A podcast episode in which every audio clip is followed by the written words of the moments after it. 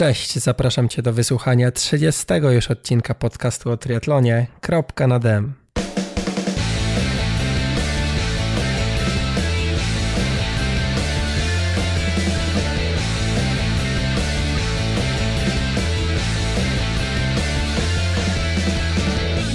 Hejka, dzisiaj rozmawiamy w podcaście z Pawłem. Paweł żyje w Nowej Zelandii i chyba z uwagi na to, że to jest tak odległe miejsce, to wstęp, czyli przedstawienie jakby gościa jest dosyć długie. Wypytuję Pawła trochę o, o, jego życie, jak to było, że się znalazł właśnie tam, gdzie się znalazł. Hmm, Paweł trochę tworzy rzeczy do tak zwanych internetów i dał się poznać, przynajmniej ja go kojarzę jako taką osobę, która ma w pewnych kwestiach podobne podejście do, do mnie. I na przykład, że nie wiem, nie puszy się, tak, opowiada, jak opowiada, co się wydarzyło, to nie koloryzuje jakoś specjalnie e, ty, ty, tych, tych opowieści swoich, tak, racjonalny jest w wyrażaniu opinii, nie kieruje się jakimś własnym ego. I w ogóle, gdy przesłuchiwałem naszą rozmowę już po nagraniu, zauważyłem, że trochę jakby straciłem swoje własne zrozumienie, dlaczego ludzie startują w triatlonie, że jakie mają ambicje, cele. Trochę bardziej myślę teraz po swojemu, jak, jakie ja mam cele, tak ja by, jak ja bym to robił, y, po co startuję. Y, I zawsze uważałem to za swoją zaletę, y, że mam taką umiejętność jakby wcielania się w skórę innych osób i spojrzenie na daną sytuację z boku. Także po wysłuchaniu tej rozmowy, po nagraniu, sam miałem trochę hmm, przemyśleń a propos tego, co, e, co Paweł opowiadał. Także ten wstęp, jakby cały, hmm, w ogóle cały podcast e, bardzo mi się spodobał od, również od tej strony takiej życiowej. Ale po, po wstępie, który trwa, nie wiem, z pół godziny, przechodzimy do konkretów, do, do, do potu, krwi, Ironmanów, triatlonów w Nowej Zelandii mm, i takich tam. A przy okazji rozmawiamy o, o weganizmie i dopingu, albo o weganizmie, o dopingu. Dlaczego to tak łączę, to już zobaczysz, yy, usłyszysz lub zobaczysz, w zależności jak yy, odbierasz ten odcinek na, podczas rozmowy. Oczywiście śmieję się, tak? Nie, nie, tego nie można łączyć. Mm, rozmawiamy o YouTubie, o charytatywności, mm, o, wielu, wielu różnych rzeczach. Paweł mówił też pod koniec nagrania o priorytetyzacji.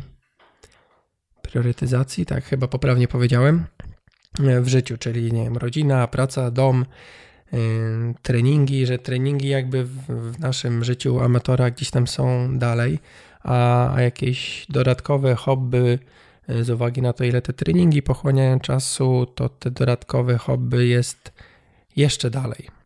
No i w związku z tym Hmm, jakby ja chcę łapać znowu takie nie do końca mądre postępowanie pewnie, ale nadal chcę ciągnąć ten, ten cały wózek związany z, z produkowaniem wszystkiego, co, co produkuję, z pracowaniem tak jak pracuję, z trenowaniem tak jak pracuję, a, a, a jednocześnie mieć czas w domu na różne rzeczy.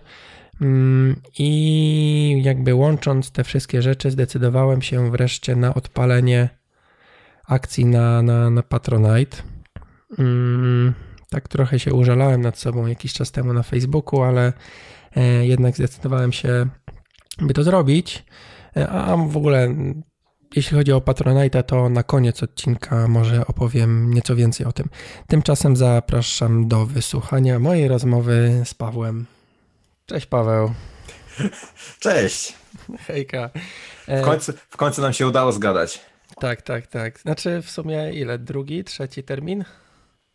Trzeci, trzeci termin, tak, ale wcześniej też rozmawialiśmy przez jakiś czas, że warto by było zrobić, ale te moje zawody, potem, potem te dokumenty, brak czasu i tak dalej, i tak dalej, ale w końcu jesteśmy. Siódma mhm. godzina, można, można jechać. No właśnie. Tak, już tak zacząłeś, to powiedz, jakie dokumenty? Dokumenty, a, będę sławny, bo żartuję, ale um, jakiś chyba z rok temu odezwała się do mnie para filmowców, um, filmowców, amatorów, którzy, znaczy nie, oni pracują jako, jako, jako filmowcy, ale chcieli zrobić swój pierwszy dokument na temat diety wegańskiej w sporcie. Chcieli zrobić coś takiego, żeby nie robić konkretnego, kolejnego dokumentu o, o, weganizmie na takiej zasadzie, że wiesz, że biedne zwierzątka, albo że twoje zdrowie, albo że środowisko, bo tego jest dużo i do pewnych ludzi to trafia, do innych to nie, nie trafia zupełnie, ale chcieli pokazać tą dietę wegańską jako zupełnie coś normalnego i jako coś, co daje ci możliwość, y, albo przynajmniej nie przeszkadza w uprawianiu sportu na jakimś tam poziomie, powiedzmy tam pół, półwyczynowym. E, więc odezwali się do mnie, odezwali się kilka, do kilku jeszcze innych osób. Ja od, odpisałem, że no świetnie, nie no, jak wpadniecie do Nowej Zelandii, to nie ma problemu, z, y, zrobimy sobie zrobimy dokument, bardzo jestem chętny. Wiesz, pół roku minęło i odezwali się, dobra, to za dwa miesiące jesteśmy. No i wtedy się okazało, a to, a to rzeczywiście to, to się dzieje, no to dobrze. I przyjechali mm, końcem lutego, będą jeszcze przez tydzień, nagraliśmy już 95 chyba procent tego wszystkiego. Więc to wiesz, ja, e, no, ja mam też pracę, więc po pracy mm, jazda gdzieś tam na jakiś plan, gdzie sobie wymyślili, kilka godzin nagrywania, później znowu praca i tak cały czas w kółko przez dwa tygodnie mniej więcej, plus całe weekendy. Mm, w weekend jeden robiliśmy trening biegowy, więc treningu biegowego wyjdzie chyba półtorej minuty na filmie, zajęło nam to 8 godzin nagranie tego, więc e, to jest na pewno więcej niż myślałem, ale będzie, będzie na pewno fajnie, e, bo bierze w tym udział, nie wiem czy kojarzysz takiego gościa, który e, rzeczy robi na Facebooku jako wegenerat biegowy. Nie. On biega, biega takie dystanse chore po 100 ileś tam kilometrów. Wydał ostatnio właśnie książkę kucharską. On będzie też jedną z, jedną z tych osób i będzie jeszcze jedna dziewczyna, która mieszka w Szwecji, weganama, która mhm. Mm, też biega, też y, zajmuje się tą dietą roślinną, plus y, wychowuje dzieci na diecie roślinnej, więc to też jest dosyć ciekawy temat. Okay, Zobaczymy, jak to wszystko wyjdzie, ale... Oni odwiedzili kilka krajów, w Szwecji też nagrywali? Będą, ja byłem pierwszy. Aha. Więc przyjechali tutaj na miesiąc, później jadą do Szwecji chyba za jakiś miesiąc i później jeszcze w Polsce um, do Przemka um, na kilka tygodni. I pod koniec roku to powinno być już wszystko poskładane. Okej, okay, zbierali kasę na, ten, na tą akcję na Polak Potrafi albo na czymś takim, tak? Na Wspieram to. Mhm, tak, a mhm. Polak Potrafi z tego co... E, mhm. Czy pomagam.pl? Pomagam.pl. Czyli mhm. wyszła im ta zbiórka, skoro tak Wiesz co, wyszła wystarczająco, wyszła wystarczająco, żeby tutaj dotrzeć, ale to też na tej zasadzie, że bardzo e, oszczędnie trzeba było, to było wszystko kombinować. E, wiesz, no plus, plus był taki, że ta moja chata w buszu w tym momencie stała pusta, więc e, można ich, ich, tam było po prostu wrzucić. To, to też się chyba nie spodziewali, że chata w buszu to jest rzeczywiście chata w buszu i do sklepu jest, nie wiem, 7 kilometrów, nie?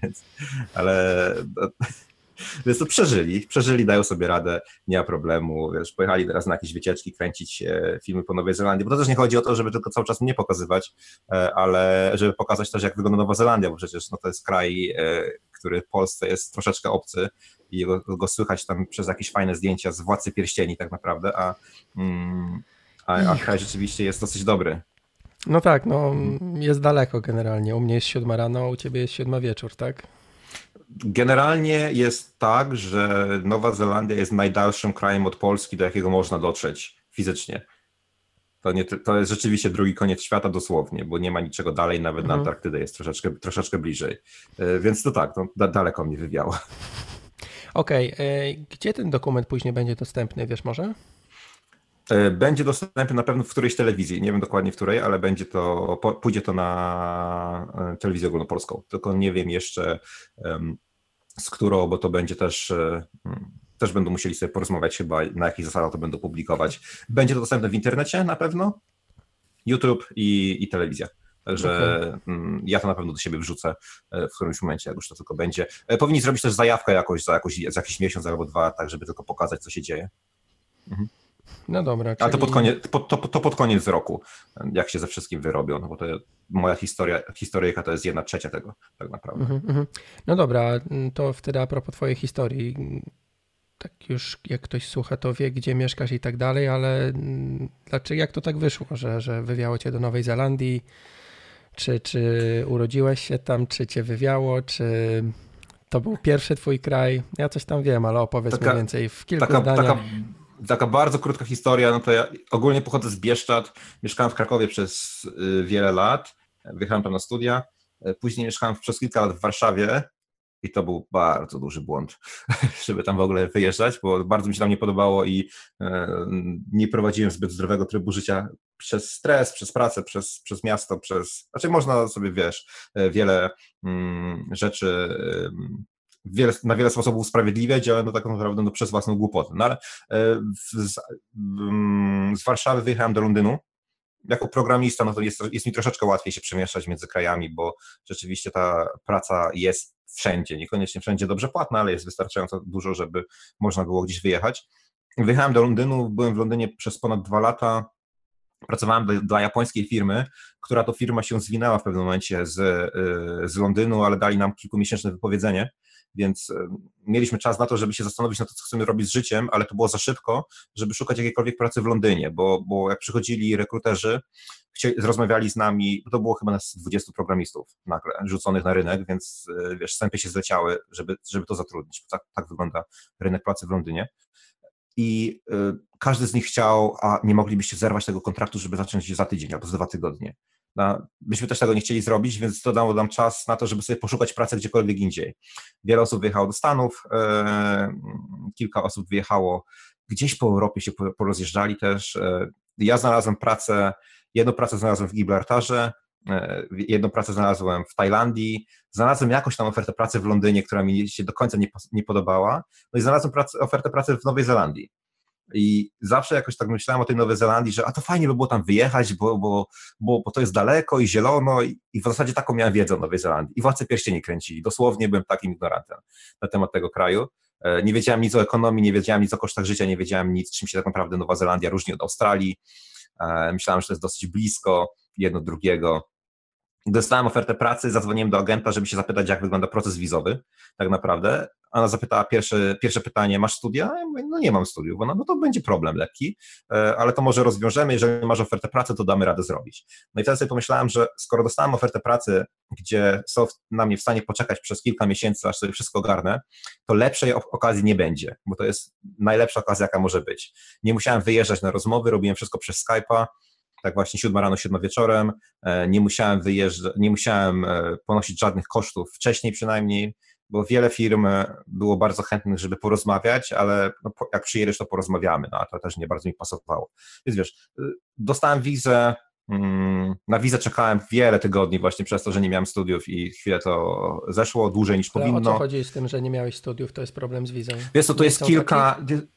Nie, to nie, nie, tylko tyle, ale jest kilka programów tutaj, bo generalnie Nowa Zelandia jest wielkości Polski, powiedzmy, a, 4, a ma 4,5 miliona ludzi, e, mieszkańców, nie? ale za to 60 milionów e, baranów i owiec. E, więc mm, jest kilka programów imigracyjnych, gdzie jeżeli masz zawód z listy zawodów poszukiwanych, to dostajesz wizę w dwa tygodnie, nawet bez oferty pracy.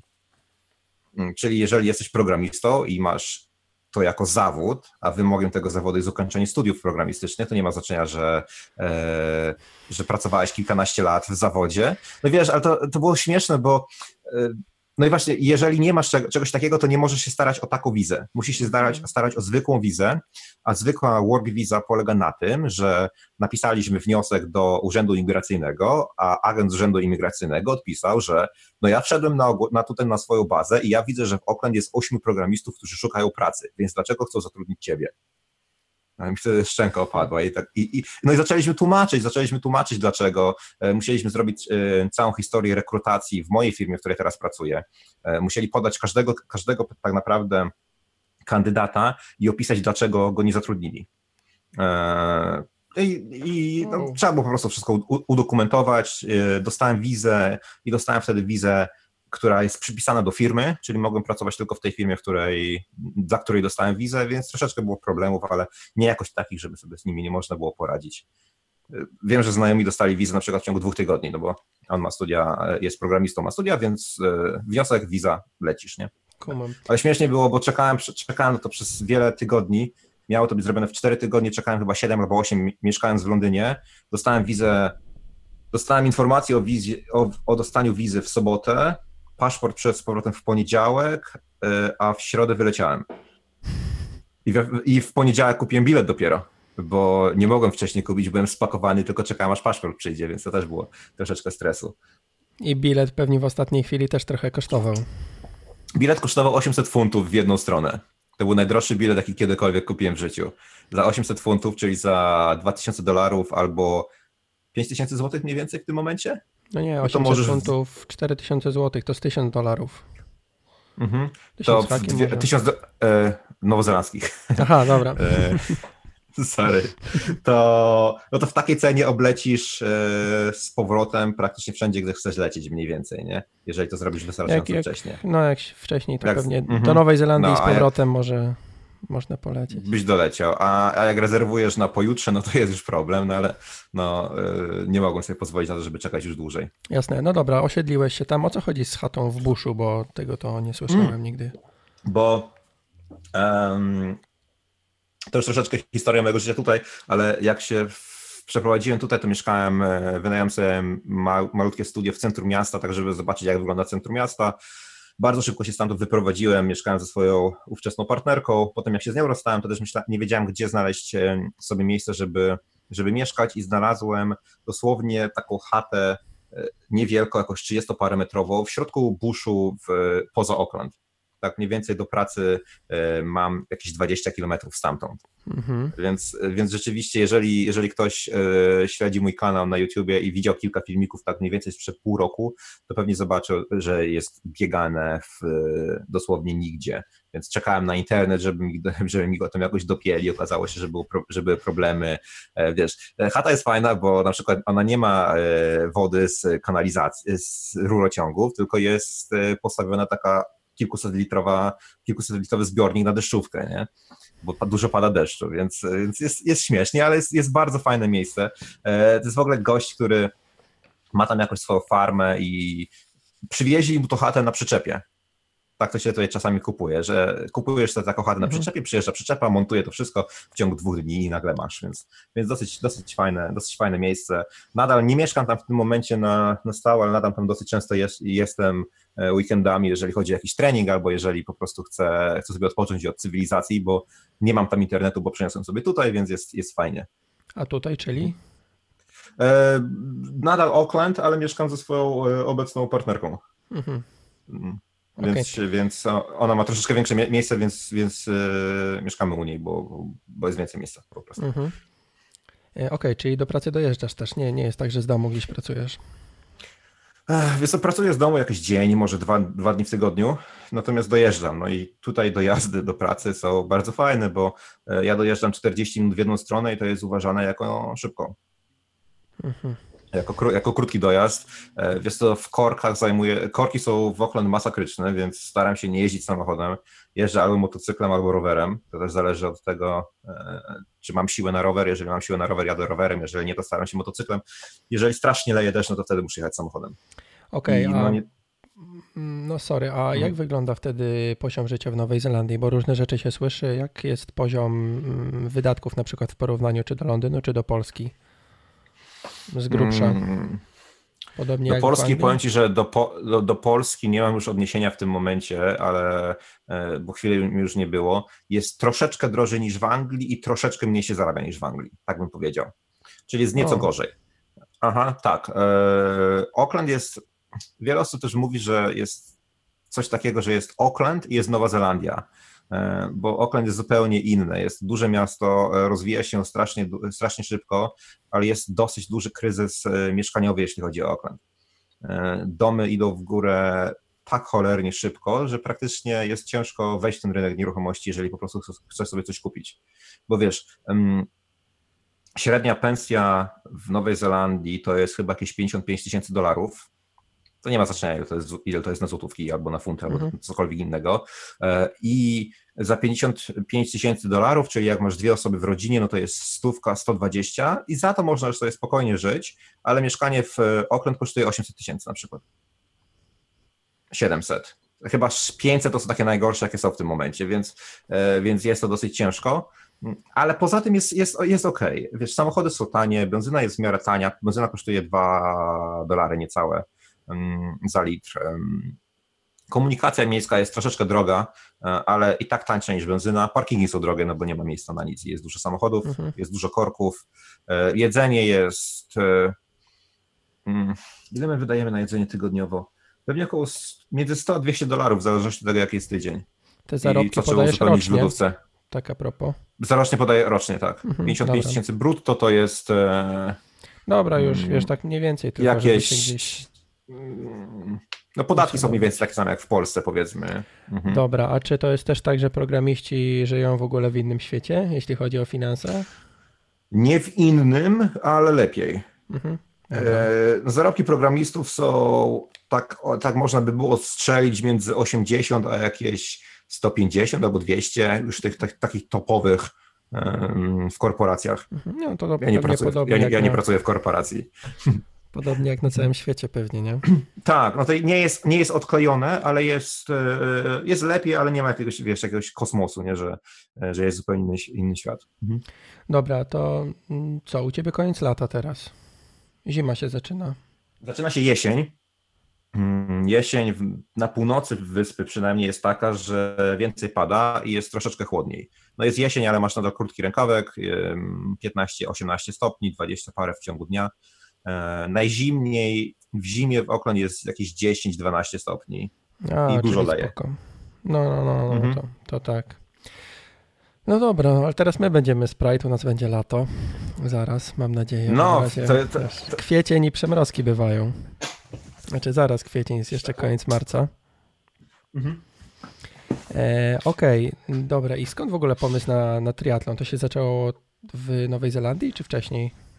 Zaczęło się w Anglii i ja powiem szczerze, że nie, pamiętam, jak to się zaczęło, bo znaczy wiem, że jak się przeprowadziłem do Anglii, to strasznie e, chciałem odbudować jakoś się finansowo i e, żyłem dosyć oszczędnie i bolało mnie dojazdy do pracy, bo w Anglii mm, miesięczny bilet z trzeciej strefy do pierwszej kosztował wtedy chyba jakieś 160-170 funtów. E, i, to- I to, wiesz, jak mówisz 160, 170, ale już żyjesz w funtach, to już nie jest, to jeszcze nie jest tak źle. Ale jak jeszcze masz tą mentalność z Polski, yy, znaczy źle, źle to powiedziałem, nie mentalność z Polski, ale jeżeli liczysz jeszcze w złotówkach, yy, to chciałem powiedzieć, no to ci nagle wychodzi koło tysiaka za, za, za, za dojazdy i sobie myślisz, cholera, to jest dużo pieniędzy. Więc przywiozłem rower, miałem rower górski starego treka, którego mi ukradli swoją drogą bardzo szybko w, Lon- w Londynie, bo Londyn jest dosyć, dosyć fajny pod tym względem, ale e, przywiozłem go sobie mm, samolotem, bez pudła, owiza, owi- owiązałem go w ogóle folią bąbelkową, nie chcieli mi go przyjąć, bo nie miałem pudła, nie, miałem, nie, nie wiedziałem, jak się z rowerami podróżuje, więc tak go rzuciłem i do, dojechał, nie? Rower był, rower był stary, ale był fajny trek. E, Taki fajny czerwony trek. Hamu- Hamulce miał tarczowe, pamiętam, i to mi się wtedy podobało i to była moja wiedza o, o rowerach, nie? E, I, mm, I miał przyrzutki Xter. To też, to też było No, no fajne. to wiesz, Tylko, sta, tylko, strasz, tylko tak, tylko że to strasznie stare było. To był jakiś e, dziesięcioletni pewnie rower, jak nie lepiej z Allegro kupiony. Ale e, zacząłem na tym je, zacząłem jeździć na rowerem i najpierw zacząłem jeździć tak dwa razy w tygodniu. Bo nie miałem siły na więcej. Potem, bo, a, bo zaraz jak, jak przyjechałem do, do Nowej Zelandii, to pierwsze co zrobiłem, to rzuciłem palenie. Bo przez 10 lat jarałem po paczkę fajek albo półtorej paczki fajek dziennie e, przed, przed, e, przed wyjazdem do Nowej Zelandii, to, do, do Anglii. Więc jak przyjechałem do Anglii, papierosy też są drogie w Anglii, więc przywiozłem sobie karton papierosów, wypaliłem pięć i stwierdziłem, dobra, wystarczy. Pięć paczek, pięć dni, pięć paczek, więc sobie stwierdziłem, że, że wystarczy tego palenia. Więc rzuciłem palenie, um, wsiadłem na rower, no więc na początku to było dwa razy w tygodniu, trzy razy w tygodniu, później doszło do tego, że mogłem jechać co, co, codziennie przez tydzień i, i zacząłem patrzeć na to, no dobra, może by coś zrobić innego. Zapisałem się na siłownię. Jak się zapisałem na siłownię, to też było tak, że poszedłem na siłownię, potem przez dwa dni nie mogłem, dostałem jakiś tam program crossfitowy, powiedzmy, jakiś taki hit, e, żeby się rozruszać generalnie, nie? Um, nie mia- e, potem znowu na drugi dzień nie mogłem jechać na rowerze, bo nie miałem energii, potem to, to zbudowało się, to trwało jakieś pół roku mniej więcej, E, zbudowała się, zbudowała się jakaś tam forma i pamiętam, to musiał być, to była końcówka 2013 chyba, jak sobie po, robiłem postanowienia noworoczne. No bo wiesz, sie- siedzisz sobie i myślisz sobie nad postanowieniami noworocznymi. I sobie wymyśliłem, że chciałbym zrobić jakiś taki duży event rowerowy, czyli zapisać się na jakieś, może nie tyle zawody, co jakąś taką wycieczkę większą, po 200 km dziennie powiedzmy, albo coś w tym rodzaju, że chcę przebiec maraton i słyszałem, że jest coś takiego jak triatlon i chciałbym zrobić. I to były moje takie, to były takie moje plany. Poszedłem do tej mojej babki z siłowni i powiedziałem jej, żeby mi dopasowała ten program pod triatlon. A ona się mnie zapytała, który triatlon chcesz zrobić? A ja odpowiedziałem, no jakikolwiek, jakiś tam gdzieś kiedyś. W ogóle nie wiedziałem, jakie są dystanse, w ogóle nie wiedziałem, co to jest Ironman, nie wiedziałem nic, dosłownie. Hmm, ale mam, taki, mam takie coś, że jak się z czymś zainteresuję, no to staram się zgłębić wszystko dokumentnie, więc, e, więc dosyć szybko, od, od, tego momentu dosyć szybko poszło, bo w maju zrobiłem pierwszy sprint, w czerwcu zrobiłem pierwszą olimpikę, w październiku zrobiłem pierwszą połówkę, potem w styczniu zrobiłem kolejną połówkę hmm, i tak już poszło od, od, od tego czasu. Czyli w pierwszym roku tak. pojechałeś od sprintu do połówki. Tak. I to w ciągu tak czterech miesięcy w zasadzie. Mhm. Mhm. Okay. Zrobiłem sprint, zrobiłem sprint i ledwo co, co mnie nie wyłowili z wody, musiałem się zatrzymać. To było 750 metrów w wodzie. Pierwszy raz w e, morzu z falami. Fale były mniej więcej takie, czyli to były żadne fale, ale dla mnie wtedy to było, o Jezu, co tu mm. się dzieje w ogóle.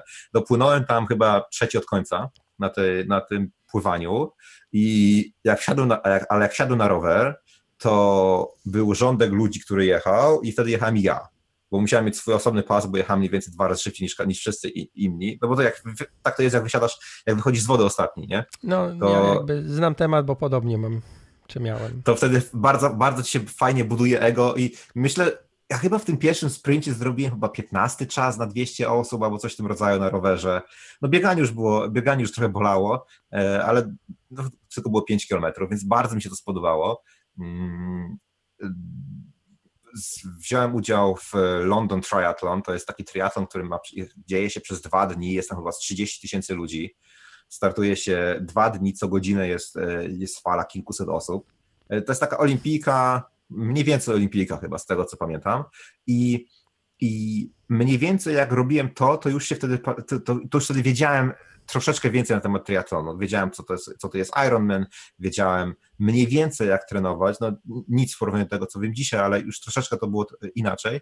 I mm, wtedy też już wiedziałem, że będę wyjeżdżał z Londynu. To był mniej więcej ten okres, tam czerwiec, lipiec. E, I poszukałem, poszukałem czegoś, co zawodów, które by były ostatnie w Europie przed moim wyjazdem. I znalazłem Lanzarote, e, czyli Wyspy Kanaryjskie e, jeden z najtrudniejszych Ironmanów, jeśli chodzi o, o pełen dystans na Lanzarote, bo jest tam wielka góra, są wiatry, jest gorąco, jest to wyspa wulkaniczna, wiele osób po, po, porównuje ją trudności do Hawajów nawet, e, do Kony. I, ale ja zrobiłem połówkę i mm, byłem na bike fittingu i gość mnie pytał, co będę robił. Ja mu powiedziałem, że połówkę w Lanzarote, on mówi, no dobrze, że połówkę, bo na cały to byś się troszeczkę zdziwił. Rzeczywiście było e, było to zupełnie inaczej, ale to było, to było tak niesamowite przeżycie, gdy e, w końcu mm, zrobiłem coś większego, powiedzmy. No, ta połówka, no wiesz, z perspektywy robienia kilku tam e, pełnych dystansów, to może już nie jest taka mm, w tym momencie jest jakimś wielkim wyczynem, ale z tamtej perspektywy to było dla mnie naprawdę coś. To było pierwszy raz, kiedy przebiegłem w ogóle półmaraton. Nigdy wcześniej nie przebiegłem więcej niż 15 kilometrów w życiu nie? więc nawet nie wiedziałem, jak to będzie się biegło. Nie? 90 kilometrów no, na, na, rowerze to też nie było tak, że to robiłem codziennie. Miałem chyba trenażer już wtedy, ale e, czy, czy, trenowałem na nim dobrze? Na pewno nie. No coś tam jeździłem. No tak, jeszcze zasadzie. odnosząc się do tego pełnego dystansu i połówki, wiesz, możesz robić pełen dystans i celować w 15 godzin, a możesz robić połówkę i trenować na 4,5, nie? Że jakby mhm. połówka może być wyższym wyzwaniem, znaczy większym, no bo, bo się ścigać zaczynasz, a nie aby zobaczyć to prawda. metę. Aha. To prawda. Ja chyba tą połówkę zrobiłem w 5.40, jakoś tak, tą pierwszą. Z tego mhm. co pamiętam, to nie było jakoś strasznie źle. Rower poszedł fajnie, bieganie poszło. E, a czy wiesz, tak na tamte warunki to mi się wydaje, że to było całkiem fajnie. Całkiem fajnie. Okej, okay, a wtedy jak te dyscypliny się u Ciebie kształtowały? Na początku z tym pływaniem było najgorzej, a jak to teraz wygląda? E, na dzień dzisiejszy mhm na dzień dzisiejszy, wiesz co, ten ostatni rok był taki y, troszeczkę nieskładny, bo, bo, wiele się rzeczy pozmieniało w trakcie, jak miałem plany. Plany były zupełnie inne, to z tego wyszło, to wyszło zupełnie inaczej, bo y, w ogóle planowałem sobie, jak skończyłem y, Ironmana rok temu, w marcu, mm, to byłem po strasznie ciężkim sezonie i e, byłem przetrenowany, musiałem sobie odpocząć, nie miałem w ogóle ochoty na treningi. Jeszcze Łonaka nie skończyłem dwa tygodnie wcześniej, miałem problemy e, zdrowotne, mnie znieśli z trasy po 5 km biegu e, i, i mm, wymyśliłem sobie, że będę dużo biegał. że będę dużo biegał i zrobię ultramaraton we wrześniu. Taki, czy tam w październiku chyba był, miał być ultramaraton. Taki był mój plan. I rzeczywiście szło to bardzo dobrze przez jakieś 4-5 miesięcy. Mm, zrobiłem kilka maratonów, zrobiłem kilka półmaratonów, e, biegałem tam po, po 70 do 100 km na tygodniu. Złapałem kontuzję mm, i od tego czasu jakoś się to wszystko przestało składać. E, jeśli chodzi o bieganie, mm, nie mogło się jakoś zabrać za bieganie, ale trzymałem się dosyć mocno roweru, jazdy na rowerze. E, przez zimę też przytyłem, czy może nie przytyłem, przebrałem na wadze, bo chodziłem dużo na siłownię, więc e, jakoś się nie spasłem strasznie, ale ważyłem 10 kg więcej niż, niż przed, przed zimą, tak po zimie. Może 10 nie, ale ta, może 10 nie, ale, ale na pewno byłem większy. E, I e, z jednej strony ludzie, ludzie mówili, że coś przybrałeś na wadze, z drugiej strony mówili, że spuchłeś na twarzy i chyba jesz za dużo. Więc, e, ale jakoś nie, nie, miałem, nie miałem siły, żeby się tym wszystkim przejmować. Wiesz? Musiałem sobie po prostu zrobić odpoczynek mentalny taki bardziej. Zrobiłem w grudniu połówkę, jakoś strasznie wolną, a rower był szybki, ale tak poza tym to, to, to nic, większe, nic większego. E, pozmieniało mi się troszeczkę w pracy, więc e, nie miałem na tyle czasu na treningi, na ile chciałem. Ja też nie, nie chcę, żeby to brzmiało jak tłumaczenie się, ale, ale tak gwoli wyjaśnienia, więc pod jak przyszedł ten czas Ironmanów, czyli luty, marzec w tym roku, to tak naprawdę miałem doszlifowany rower i e, pływanie ucierpiało, bieganie ucierpiało, rower miałem doszlifowany, bo tylko roweru, naj, najłatwiej mi, mi, się trenuje rower, bo hmm. jest trenażer w domu, więc kiedykolwiek, o którejkolwiek godzinie po prostu wskakuję na trenażer, robię swoje e, i w zasadzie chyba przez cały sezon przygotowawczy minąłem może z pięć treningów łącznie, jeśli chodzi o, o rower I, i, i były efekty były efekty, efekty są do dzisiaj, jeśli chodzi o rower. Jeśli chodzi o bieganie i pływanie, to było dużo gorzej, ale tym się zajmiemy w tym roku.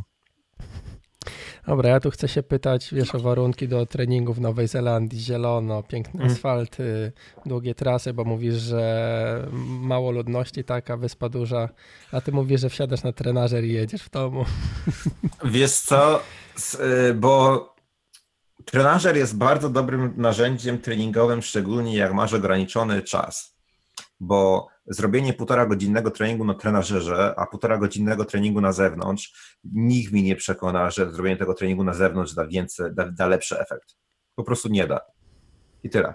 E, raz, przede wszystkim e, trenażer możesz połączyć e, z oglądaniem filmów, albo z czytaniem maili, albo z robieniem czegokolwiek innego, jeżeli jest jakiś luźniejszy trening. I, ja to tak robię. Jeszcze nie zdarzyło mi się, żebym zrobił trenażer bez oglądania czegoś. No, wiadomo, że człowiek się musi troszeczkę też zrelaksować, trochę odmurzyć, prawda? Nie możesz, mieć, nie możesz tylko być tej, w tym trening, praca, dom, trening, praca, dom, no bo to nie wyjdzie na, na dłuższą metę. Więc to jest bardzo fajne. Te asfalty w Nowej Zelandii nie są takie fajne, jakby się wydawało. Są bardzo chropowate.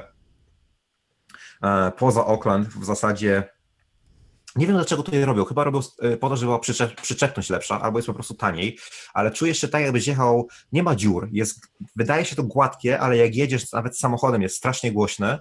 E, świetną ma przyczepność, to trzeba przyznać, ale jest strasznie głośne i też męczy na, na rowerze, niestety.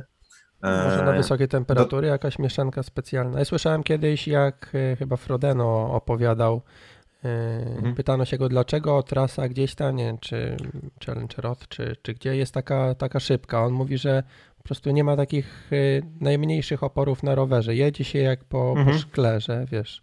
No tak, także wiem, wiem, o czym mówisz. Mhm.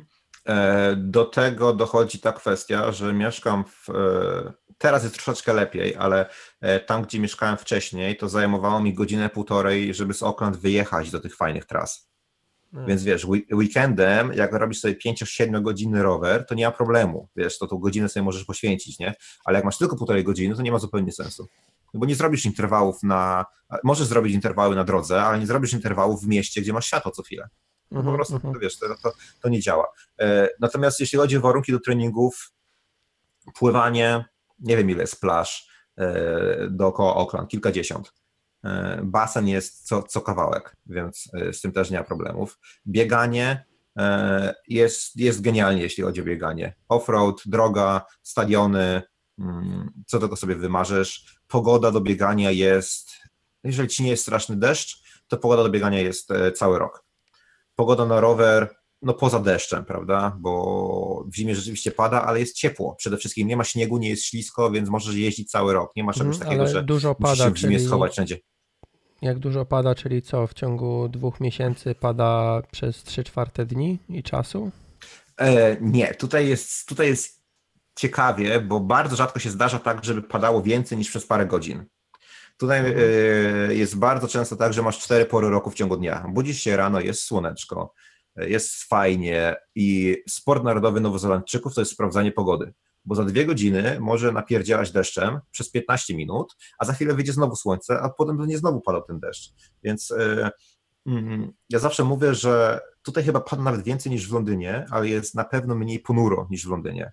Bo nawet jak masz deszcz, dzień deszczowy, to i tak będzie przeważnie jakieś, jakieś tam przebijające się słońce. Nie jest tak, nie jest tak mizernie. Wiesz? Mhm, mhm. No dobra, to triatlon wiemy skąd się wzięła. Skąd się wzięła dieta wegańska? Dieta, weg- a, dieta wegańska się wzięła w sumie. E, chyba jestem jednym z niewielu e, ludzi na diecie roślinnej czy tam diecie wegańskiej, który mówi otwarcie, że zrobił to z czysto egoistycznych pobudek. E, bo mm, jakoś to było tak, że e, starałem się jakoś pogodzić treningi z pracą. Miałem jeden trening rano przed pracą, drugi trening po pracy. No bo przeważnie tak się robi. I przez kilka chyba tygodni albo miesięcy miałem coś takiego, że wracałem do domu po pracy. E, No trochę człowiek jest zmęczony, więc trzeba odpocząć, trzeba coś zjeść, ale z takim nastawieniem robimy trening, wsiadamy na rower albo idziemy biegać. Mm, Zjadłem normalny obiad. E, To obiady, obiady mięsne są cięższe, po prostu, tutaj się, się nie ma co oszukiwać. E, Ja nie mówię, czy są zdrowsze, czy nie, są po prostu cięższe. I, e, i po prostu mnie to zamulało. Mm, Może to, co jadłem, nie było do końca dostosowane do tego, jak powinienem jeść, na pewno nie. Jadłem zdrowo, ale nie, nie interesowałem się jakoś dietą pod triatlon, pod, pod sporty wytrzymałościowe w 100%. Więc zacząłem szukać. Przez przypadek trafiłem na mm, Scotta Jurka i na Ridge Rolla. To są, Ridge Roll to y, jest weganin, który wielokrotnie wygrał Ultramana e, w, mm, na Hawajach. Ultraman, czyli dużo bardziej chore rzeczy niż Ironman, e, co trzydniowe zawody. Zrobił wiele Ironmanów, biega maratony, em, Scott Jurek, jeden z najlepszych ultramaratończyków w historii ultramaratonów, e, też weganin. I zacząłem po prostu szukać, o co w tym wszystkim chodzi i, i, i wyszło na to, że powinna to być dieta, która będzie wysokoenergetyczna, gdzie można jeść dużo e, i, i nie martwić się jakoś strasznie o wagę i która nie ma negatywnych skutków, e, bo można je sobie ułożyć tak, żeby to działało. Więc wymyśliłem sobie, że spróbujemy na tydzień albo dwa tygodnie i zobaczymy, jak to będzie wyglądało. Czy to będzie fajne, czy to będzie niefajne, czy em, jak się na tym będę czuł. Wiesz, ja lubię słodkie, lubię owoce, e, lubię warzywa, więc ta dieta jakoś mi była bliska. Ja nie jadłem nabiału wcześniej praktycznie w ogóle, poza jakimś tam jogurtem i lodami, bo lody, lody uwielbiam. E, więc starałem się jeść zdrowo, więc nie było to jakieś, dla, dla mnie jakieś trudne. I, I przeszedłem na tą dietę wegańską e, tak z dnia na dzień. To było jakieś kilka tygodni myślenia i knucia, czy, czy mi się to uda, czy nie, co bym mógł jeść, jak bym mógł jeść. W sobotę, w piątek ustaliłem, że tak robimy. Od soboty było zero, zero produktów odzwierzęcych i pierwszy tydzień i okazało się, że jest świetnie. E, Jest to e, dieta, chyba, było to chyba dlatego, że była nagle dieta wysokowęglowodanowa, bo, e, bo poszedłem, w tą stronę owoce plus warzywa plus troszeczkę, troszeczkę strączków, czyli niewiele białka, dużo, dużo węglowodanów, trochę tłuszczy i, i duża ilość jedzenia. I nagle się okazało, że mogę jeść, ja lubię jeść dużo. I okazało się, że mogę jeść dużo i, i, i to jest wszystko smaczne, to jest wszystko fajne i, i nie czuję się, nie miałem takiego psychicznego, mm, psychicznych wyrzutów sumienia, że a, może nie powinienem tyle, tylko nie, jem, jem i jest dobrze. I, e, i, i czułem się świetnie. Miałem więcej energii, e, nie miałem problemów żołądkowych, nie miałem e, problemów z treningami, więc pomyślałem sobie, dobra, no to kontynuujmy. Przygotowałem się do kolejnego Ironmana na tej diecie, do mojego drugiego Ironmana już się przygotowałem na diecie wegańskiej. Przeszedłem na tą dietę chyba zaraz miesiąc po pierwszym Ironmanie, jakoś tak. E, I, i jakoś poszło od tego czasu. No, od tego czasu się też dużo nauczyłem, teraz ta dieta zupełnie inaczej wygląda niż ta dieta na, na w pierwszych miesiącach, e, ale wiesz, regularnie, regularnie się testuję, testuję też e, swoją wytrzymałość i te parametry, które mogę przetestować i mm, idzie to w dobrym kierunku, więc, więc postanowiłem to mm, utrzymać. No i później przyszły te wszystkie aspekty inne, nie? czyli te, te aspekty, o których nikt nie chce myśleć, bo e, uważa to jako zło konieczne, tak? Czyli masowe hodowle zwierząt, e, wiesz, wycinki lasów, e, zmiany klimatyczne, wszelkie te rzeczy, o których jak z kimś zaczniesz rozmawiać, to ci odpowie, że no ale tak musi być, bo tak jest. No a się okazuje, że nie musi. No i e, więc wiesz, więc dieta zostanie na, dłużej, na długo na pewno. Mhm, czyli jakoś tak mhm. naturalnie po prostu samemu to przeszło, a nie, że jakaś ideologia najpierw, a potem na siłę. Właśnie nie, no, ideologia, ideologia się, raczej ja się staram jakoś odcinać od tej ideologii, bo yy, Emocji za dużo przez... idzie razem z nią, nie? I jakiś, wiesz... Idzie, bo yy, wiesz co, ciężko jest rozmawiać z kimkolwiek, um, ciężko jest przekazywać wiedzę na temat weganizmu, nie tyle na, diet, na, na, temat diety roślinnej, ale na temat weganizmu bez wykładu. No bo musisz, musisz zrobić wstęp i musisz powiedzieć, dlaczego, dlaczego weganizm, prawda? A ludzie tego nie lubią. Jeżeli, jeżeli się mhm. ciebie zapytają, no to jasne, można to wyjaśnić, można opowiedzieć, ale jeżeli się nie pytają, to to, co zauważyłem, to bardzo odstrasza bo, e, bo niestety, jeżeli chcesz mówić o weganizmie, to trzeba powiedzieć, że to, co ty robisz, to jest złe, według mnie. Nie? I to od razu odstrasza ci większość ludzi. Ale jeżeli mówisz o diecie roślinnej, czyli po prostu pokazujesz, co możesz jeść bez produktów zwierzęcych, to nie musisz mówić, że to, co ty robisz, jest złe, no bo jeżeli patrzymy pod samym kątem dietetycznym, no to, to sorry, ale jeżeli e, weganie mówią, że tylko dieta wegańska jest zdrowa, no to to jest, oszołom, to, to jest oszołomstwo, to nie jest prawda. Nie?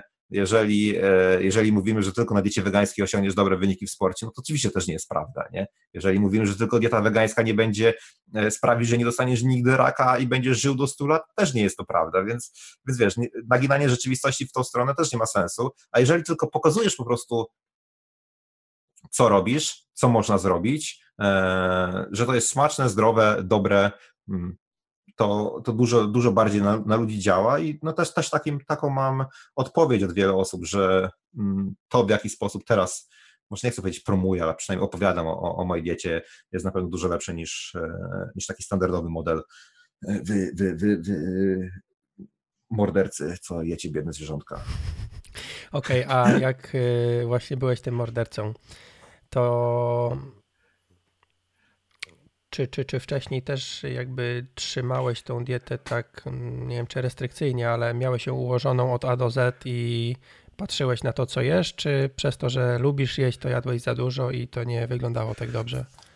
Wiesz co, nie, nawet nie było tak, bo ja, y, znaczy przed sportem powiedzmy, przed sportem z czasów Polski, y, przed, przed y, przeprowadzką do Anglii, no to nie było niczego związanego ze zdrowiem u mnie.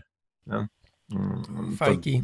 Nie, nie było czegoś takiego jak dieta, było jedzenie, tak? Było jedzenie, pizza, dzisiaj pizza, spoko, pizza. Jutro też pizza, a to nie ma problemu, spoko, też może być pizza. A dzisiaj co robimy? Kiełbaski z grilla, super, świetnie, nie?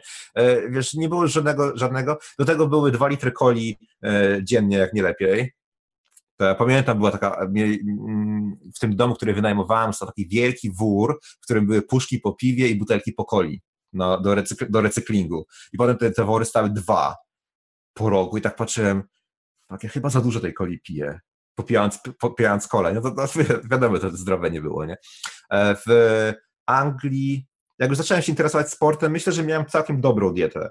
E, jadłem bardzo nisko przetworzone produkty, e, bardzo rzadko jakiekolwiek dania na wynos, bez jakiejś tam konkretnie ułożonej diety, w sensie, że tyle węglowodanów, tyle białka, tyle gramów owsianki na śniadanie i tyle gramów owoca, bo to mnie nigdy nie interesowało i nie wiem, może kiedyś się zdobędę na coś takiego, ale, ale wątpię. I nie miałem problemu z wagą, żeby była jasność, bo y, przez ten okres, kiedy zacząłem trenować, no to schudłem jakieś 15 kg, myślę, bo łapałem chyba 90 parę z tego, co pamiętam, jak zaraz jak się przeprowadziłem do Anglii. E, czyli już byłem taki troszeczkę, i to nie były mięśnie, żeby była jasność. A ile masz wzrostu? I 178 to już była taka zdrowa waga, można powiedzieć, nie? E, zrzuci, zrzuciłem to do 70 kilku, z tego co pamiętam, przez jakiś rok. Czyli wiesz, czyli ta dieta była, dieta była w porządku. Dieta może nie była ułożona pod sporty wytrzymałościowe, bo powinna być troszeczkę bardziej strategiczna, jeśli chodzi o węglowodany i tłuszcze. Tak mi się wydaje, z tego co wiem dzisiaj, nie? I to, to jak się odżywiam dzisiaj, to nie ma nic wspólnego ten protokół nie ma nic wspólnego z um, dietą roślinną czy nie, ale bardziej z zarządzaniem węglowodanami i staraniem się utrzymywania tego poziomu glikogenu w jakimś jakoś odpowiednio, żeby się nie, nie zajechać, a z drugiej strony też, żeby się, e, żeby nie trzymać insuliny cały czas wysoko, bo to też nie ma sensu, no. Okej, okay. i ta cała dieta, ten cały triatlon doprowadził Ciebie do, do czegoś takiego, że postanowiłeś wystartować w lutym, marcu, w marcu, nie, w lutym, w marcu, mm. bo to trochę parę tygodni już minęło, w dwóch Ironmanach prawie, że pod rząd. Mhm. Po co, po co, po co, po co mi to? Po tak? co to komu? Wiesz co, jest tak, że e, no, Challenge, czyli organizator zawodów Challenge i WTC, chyba nawet inna firma w tym momencie, bo to ich Chińczycy kupili, czyli Ironman, za bardzo się nie lubią, prawda? W Nowej Zelandii niestety nie ma za wiele zawodów jako takich, bo jest, e, są dwie połówki, chyba może trzy połówki, E, i e, dwa pełne dystanse w ciągu roku w całej Nowej Zelandii. Jest, są trzy pełne dystanse w Australii i, i chyba cztery połówki w Australii. I to jest, to, to, to, jest wszystko, co jest w tej okolicy, w takiej, w takiej mm, okolicy, że można dojechać, prawda? Więc postanowiłem sobie po pierwsze, że będę robił Taupo, czyli Ironman Nowa Zelandia co roku. Mieszkam w Nowej Zelandii, znam bardzo wiele ludzi e, z z Nowej Zelandii właśnie przez triatlon, których widzę tak naprawdę tylko na zawodach, plus uwielbiam Taupo jako miasto, miasteczko. E, mhm. Kiedy tylko mogę, to tam jeżdżę, więc postanowiłem sobie, że będę to robił co roku. A ile Ale też postanowiłem... Do, do Taupo 300? Mhm, okay. Już 4 godziny, 4 godziny drogi. No to na, na, te, na te warunki to jest niewiele. Mm, więc sobie postanowiłem, że to będę robił co roku, ale jest coś, coś, coś takiego jak Challenge Wanaka, Challenge Wanaka przez wiele osób, i to zawodowców, e, jest uważany za jeden z najtrudniejszych e, Ironmanów, zawodów na dystansie Ironman na świecie. Przede wszystkim masz zupełnie nieprzewidywalne warunki. Jezioro ma 14 stopni albo i mniej czasami. E, wiatr, wiatr, deszcz, czasami jest tak, że jest kilka stopni na, na rowerze, czasami jest tak, że jest gorąco i, i się mało co nie ugotujesz. Do tego bieg jest na żwirze, a nie na asfalcie bo żeby było jeszcze gorzej, czyli biegniesz maraton w terenie. A jeżeli nie jest teren, to jest taka góra do, do, do, do podbiegu. Więc to jest, to jest e, Łonaka. Przepiękne miejsce w środku e, Alp e, nowozelandzkich, dużo już wysoko w górach, klimat taki bardziej górski, zimne powietrze, naprawdę rewelacyjne zawody i chciałem je ukończyć. Rok temu sobie wymyśliłem po tym ciężkim sezonie, że tak z rozpędu zrobimy jedno i drugie. I no, prawie się to udało, bo no tak, znieśli mnie z trasy na Łona K, ale potem miałem najlepszy czas na Taupo dwa tygodnie później. Miałem 11.07 chyba był mój czas wtedy, czy jakoś tak. I, i, i czułem się naprawdę dobrze podczas tych zawodów w Taupo. Więc zaraz, jak tylko skończyłem te zawody w Taupo i okazało się, że medycznie jestem rzeczywiście, jest, nic mi nie jest, e, no bo na, na Łonaka mnie troszeczkę postraszyli, że mogę mieć jakieś problemy z nerkami, dosyć konkretne. Też byłem tam odwodniony, więc coś tam parę rzeczy nałożyło na siebie. I sobie postanowiłem od razu, że, rok, rok, że za rok, czyli w 2017, próbujemy to samo jeszcze raz bo nie zrobiłem tego, więc zrobię to w końcu. Raz, że bardzo lubię startować, nie zawsze, nie zawsze po to, żeby osiągnąć jakiś dobry czas, ale po prostu lubię ten klimat startów, lubię spotykać się z ludźmi, których znam, lubię te całe przygotowanie, e, lubię należeć do tego środowiska i czuć się jako e, członkiem tego całego środowiska nowo, e, mm, triatlonowego. To jest jedna rzecz. E, a dwa, w moim klubie triatlonowym mam e, takiego gościa. Jim ma 68 lat ukończył wszystkie zawody Łonaka, a było ich 10 i co roku robi też taupo. E, I on ma 68 lat i patrzę na niego. Do tego ma kolano, które mu się zgina w drugą stronę. Więc on jak biegnie, to musi. Do, to, to, jest kosmiczne, bo on jak biegnie, to musi sobie niwelować głową, żeby się nie przewrócić. Czyli biegnie mniej więcej jakoś tak. Robi te zawody w, tam, w tempie 16 godzin, czy coś w tym rodzaju, ale rok w rok jest na starcie i Łonaka, i Taupo. Ja sobie tak myślałem, no on da radę, to ja też da radę. I, I, rok, temu, rok temu byłem na dobrym kursie, żeby dać radę, no nie wyszło, więc stwierdziłem, że w tym roku, da, da, że w tym roku to zrobię. No, przygotowanie nie wyszło jakoś tam idealnie, tak jakbym chciał y, i błąd popełniłem tak naprawdę taki, że sobie na, na Łonaka odpuściłem bieg. Bo miałem świetny rower, to był, jest dosyć ciężka trasa na Wanaka, a to był mój najlepszy czas y, na Ironmanie. Zacząłem biec, no i biegnie się w takim rowerze ciężko, ale zacząłem biec i biegnę, i przebiegnę chyba z 7 km i sobie pomyślałem, dobra, to nie zrobię lepszego czasu niż rok temu w Taupo raczej, więc sobie odpuśćmy ten bieg i zróbmy w Taupo dobrze. No i to był błąd, bo trzeba było po prostu cisnąć było i, i, i się Taupo nie przejmować, no ale wyszło jak wyszło. Natomiast nie zrobię tego po raz drugi w najbliższym czasie. To, to, to na pewno. Więc to chciałem zrobić tak, żeby chciałem, chciałem mieć to odhaczone. E, wiem, że w tym roku w Taupo chyba było pięć osób, które było na tyle głupich, żeby to robić. E, I mm, wiesz co, gdyby mieć możliwość przygotowania się na po 20 parę, 30 godzin w tygodniu, to byłoby to fajne. Przy przygotowaniach 10 godzin w tygodniu to, to, to nie jest fajne to nie jest fajne, ale, ale satysfakcja z tego, satysfakcja z tego miałem, no, no na pewno niedosyt, niedosyt jest po, po tych czasach, jakie wyszły.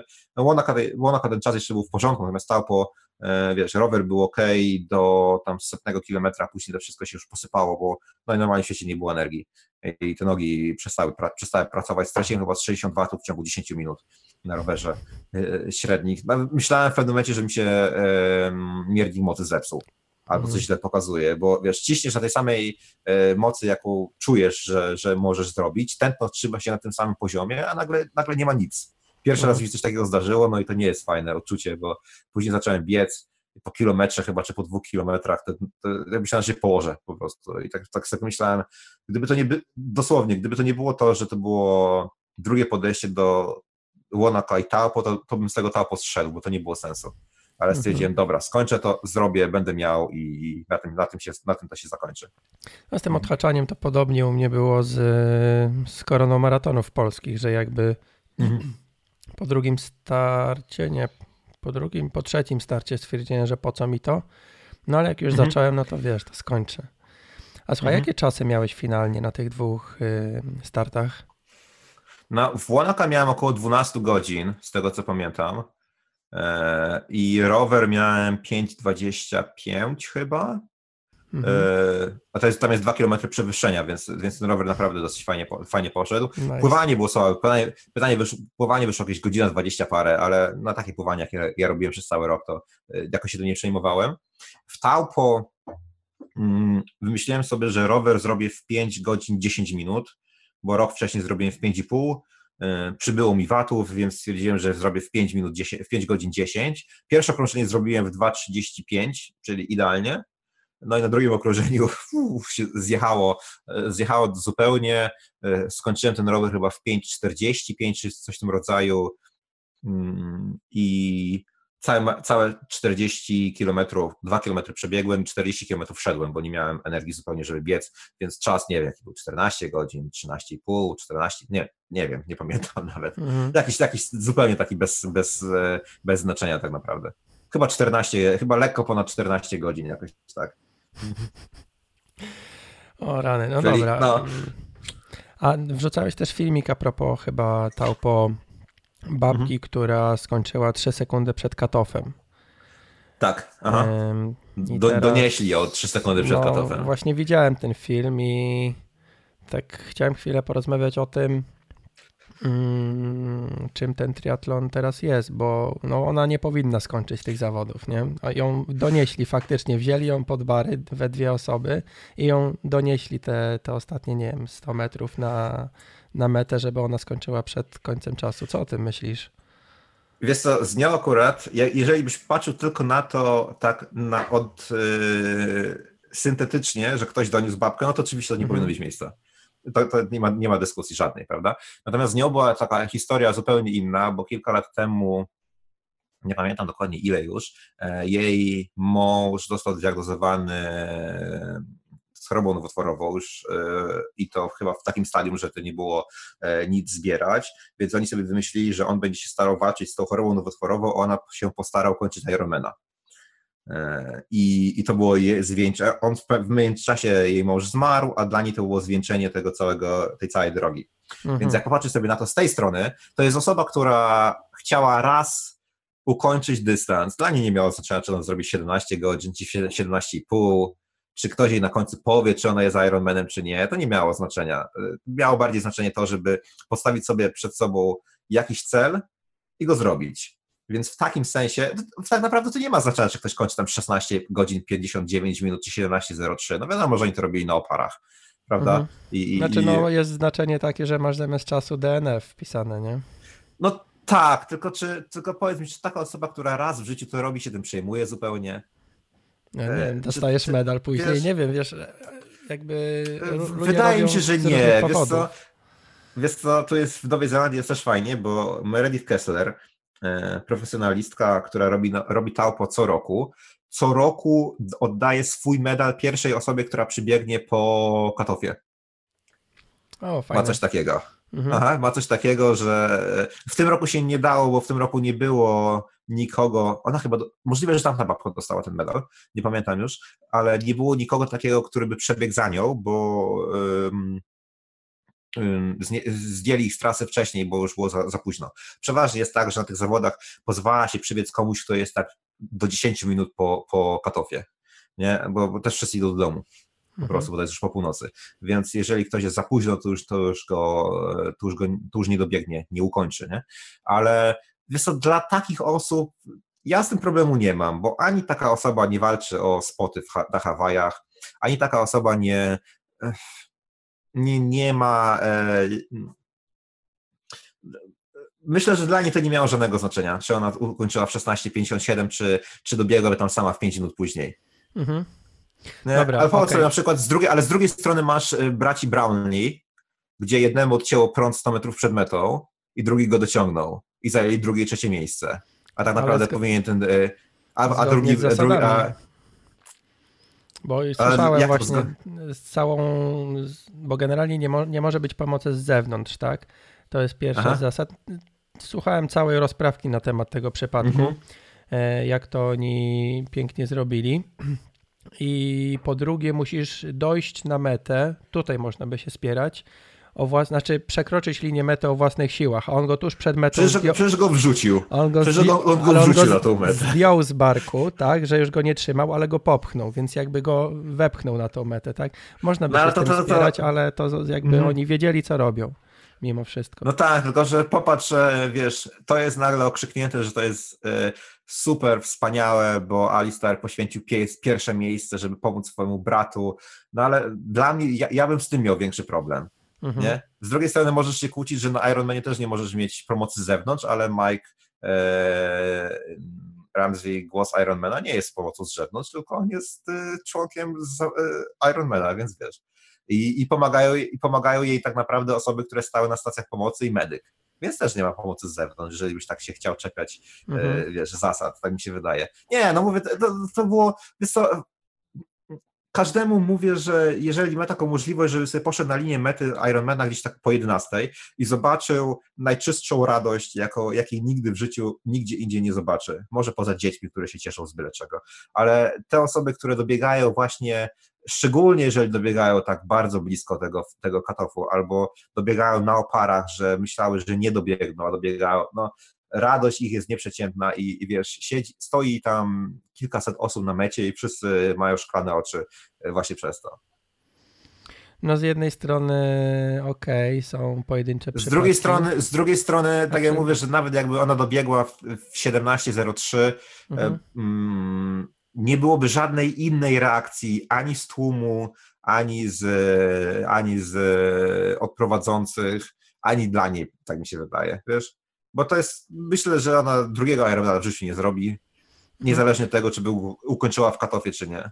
No dobra, ale powiedzmy, że zamiast 7 godzin 10 minut by miała 7 go, 17 godzin 30 e, minut. Czy wiesz, w ten sposób, czy nie przesuwamy jakiejś bariery, że jak bardzo będziesz chciał, ale nie dasz rady, to ciebie kładem przywiozą ostatnie 10 kilometrów. A widzisz, a to jest, to, jest dobry, to jest dobra rzecz, bo rok temu był taki przypadek, że mm, właśnie na tej, na tej kolacji po zawodach opowiadał Mike, że głos Ironmana, że mm, ostatnia osoba przybiegła 17.03. Dostała DNF, dostała medal od Merit Kessler, powiedzieli wszystkim, że no to dziękuję, do widzenia, do, rozejść się, my będziemy tutaj demontować sobie sprzęt. I jak demontowali sprzęt, to okazało się, że 17.40 przybiegł jeszcze, przybiegła jeszcze jedna osoba. w jakiś sto, w jaki, w, nie wiem jak to się stało, że pozwolili jej e, dobiec, e, to chyba była kobieta, tak mi się wydaje, nie pamiętam w tym momencie, e, że medycy jej pozwolili po prostu dobiec do mety. Nie zależało jej ani na medalach, ani na przekroczeniu linii mety, wiesz, z muzyką i z, z fleszami i ze zdjęciami, nie dobiegła sobie na spokojnie, po cichu, odhaczone, że jest w stanie zrobić te 3,8 km, 180 km i 42 km. A jaki był tego czas, to nie ma żadnego znaczenia dla takiej osoby. Hmm. Także był taki przypadek, nie? Był taki przypadek. No oczywiście, jeżeli cię ktoś kładem dowiezie 10 km, no to nie robi paranoi, nie? To, to był taki, taki szczególny przypadek, myślę, że e, z, tym, z tą Nową Zelandią, bo ona była tak na granicy, że dobiegnę, nie dobiegnę. E, mm, ten prowadzący też go chyba po, troszeczkę poniosło na tej zasadzie, że ją dociągnę tam, e, nie, bo ona by dobiegła jakieś 17.02, myślę, 17.01, 17.02 e, sama, bo tak naprawdę jest 800 metrów do przebiegnięcia, jak jest, tak pokażę tutaj, meta jest tu, a biegnie się tak, więc e, stąd prowadzący przebieg tutaj ją przyciągnął po prostu ten kawałek. Takie mhm. pętelkę się robi. Także troszeczkę, mhm. kilkadziesiąt sekund myślę, że jej, że jej po prostu pomógł i tyle. Okej, okay. E, zmiana tematu wtedy, jeszcze na chwilę, już niedługo będziemy mhm. kończyć. Mm, mieliście takiego gościa ostatnio w Nowej Zelandii, znaczy ostatnio, parę miesięcy temu, mm, że nagle cała Nowa Zelandia wyjechała na, na rowerach na asfalt. A, to, no, to jest do, dosyć do, do, do, dobry skill. Nie wiedziałem nawet, że tylu rowerzystów mamy. Właśnie, Lance Armstrong mm, mhm. wpadł do was. Czy wszyscy byli uśmiechnięci, czy były jakieś dziwne spojrzenia? Bo, czy, czy w ogóle ciężko było cokolwiek dojrzeć, tyle było ludzi? Jak to wyglądało? Wiesz, to po, myślę, że poza dziennikarzami nie było e, żadnych dziwnych spojrzeń. Hmm. Bo tak bardzo w skrócie.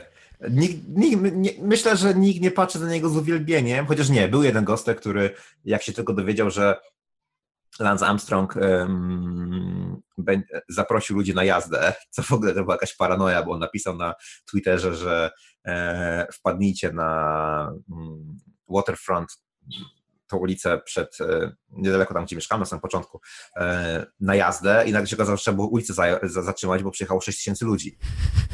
I, I, trzeba było zamknąć ulicę po prostu, nie? Więc to była jakaś masakra, ale ten jeden gostek, jak się o tym dowiedział, to kupił szybko bilet i przyjechał z Australii przez noc tak żeby mhm. na rano by, był ubrany był od e, stóp do głów w te w ciuchy Livestrong, Livestrong, e, tej jego fundacji. To był jeden taki fan, nie? Ale mm, wiesz, to na, na pewno e, od, od, strony rowerzystów myślę, że każdy chciał po prostu zobaczyć, kto to jest, zobaczyć i, i wziąć udział w jakimś takim evencie. Ja sobie też strzeliłem parę selfie, wiesz, zamieniłem kilka zdań.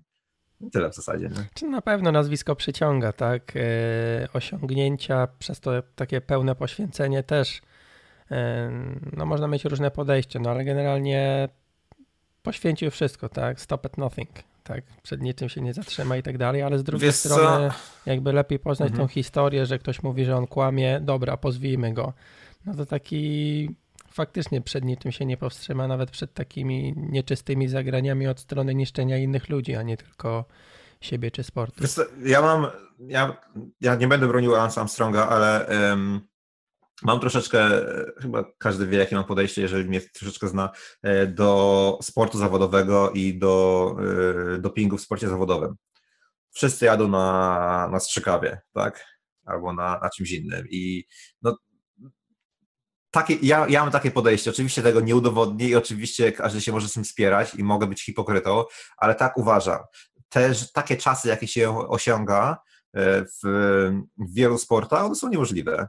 Wiesz co, jeżeli sport nie ma, nie ma testów, to sorry, ludzka natura e, zrobi to, co zrobi. Wiesz, jeżeli masz w tym momencie Tour de France i Contador e, jest e, szybszy niż był w momencie, kiedy został zatrzymany za, za dragi e, i dostał dwuletniego bana, no to co, przez te dwa lata nagle mu się genetyka zmieniła w jakiś sposób dziwny? Wiesz, nie uważam, żeby, znaczy, wiesz, wiadomo, że sport czysty nie jest, to jest jedna sprawa. Lance Armstrong nie robił niczego innego, co, jeśli chodzi o doping, co robiłby ktokolwiek, co czego nie robiłby ktokolwiek inny. Dlatego te jego tytuły nie są przyznane nikomu innemu, bo je po prostu nie ma komu dać. Nie? Bo, pier, bo, bo wszyscy, wszystkie 20 parę e, osób z czołówki Tour de France było złapanych w pewnym momencie za doping. Tak? Jan Urlich, który był drugi przez kilka lat, na najbliższy, w pierwszym roku, kiedy Lansa nie było, został złapany za, za doping. Lansa, swoją drogą, Lansa Armstronga nigdy nikt nie złapał, bo on był, on był po prostu troszeczkę mądrzejszy, e, ja, ja w ogóle myślę, że tam jakaś musiała iść gruba kasa, żeby go nikt nie złapał, bo e, Wada ja gdzieś to czytałem, że WADA jest dosyć nieskuteczna tak naprawdę, jeśli chodzi o, o wykrywanie e, dragów. Bo jak sobie patrzysz na triatlon, gdzie praktycznie nagle się okazuje, że ten triatlon jest czysty, bo nigdy nikogo nie, na, na czym prawie nie złapali. Parę dwóch razy się Dwóch Chińczyków zdarzyło. ostatnio, w ostatnich no, dniach. No, czasem się coś tam... Kupili Iron Man czasem się coś... koksują czasem się coś tam zdarzy, ale generalnie wiesz, e, nie ma żadnego nazwiska dużego, który, gdzie ktoś by był złapany. I ja po prostu nie wierzę, żeby wszyscy byli czyści. Nie no, w kuluarach mówią, zupełnie... że age grouperzy nawet ładują, więc jakby... A to ej, wiesz co, wiesz co, popatrz sobie na 60-latków, jakie wykręcają czasy. Nie wierzę, żeby 70% z nich nie było na hormonalnej terapii zastępczej. Po prostu, po prostu e, nie wierzę w to. Mm. Wiesz, no dobra, ale te hormony że... można ładować chyba do mm, poziomu uznawanego za naturalny, a, a można wyżej, tak? Czy jak to jest? No tak, no, no, no, to, no to tak, ale age groupera nikt nie przetestuje e, w, e, poza zawodami, więc e, jaki masz problem, żeby łoić w siebie ile wlezie poza zawodami, a na zawody zjechać do poziomu naturalnego na ter hormonalnej terapii zastępczej?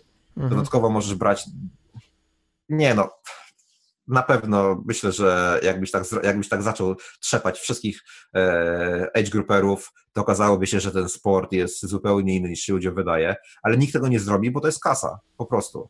Nie? Więc mm -hmm. może, może to jest, może to jest ba moje bardzo cyniczne podejście, e, ale mm, też nikogo personalnie nie oskarżam o branie czegokolwiek, bo to też nie o to chodzi, żeby robić tutaj polowanie na czarownicę, ale uważam, że sport, każdy sport ma w sobie element jakiegoś tam dopingu, ale z drugiej strony ten doping za ciebie nic nie załatwi.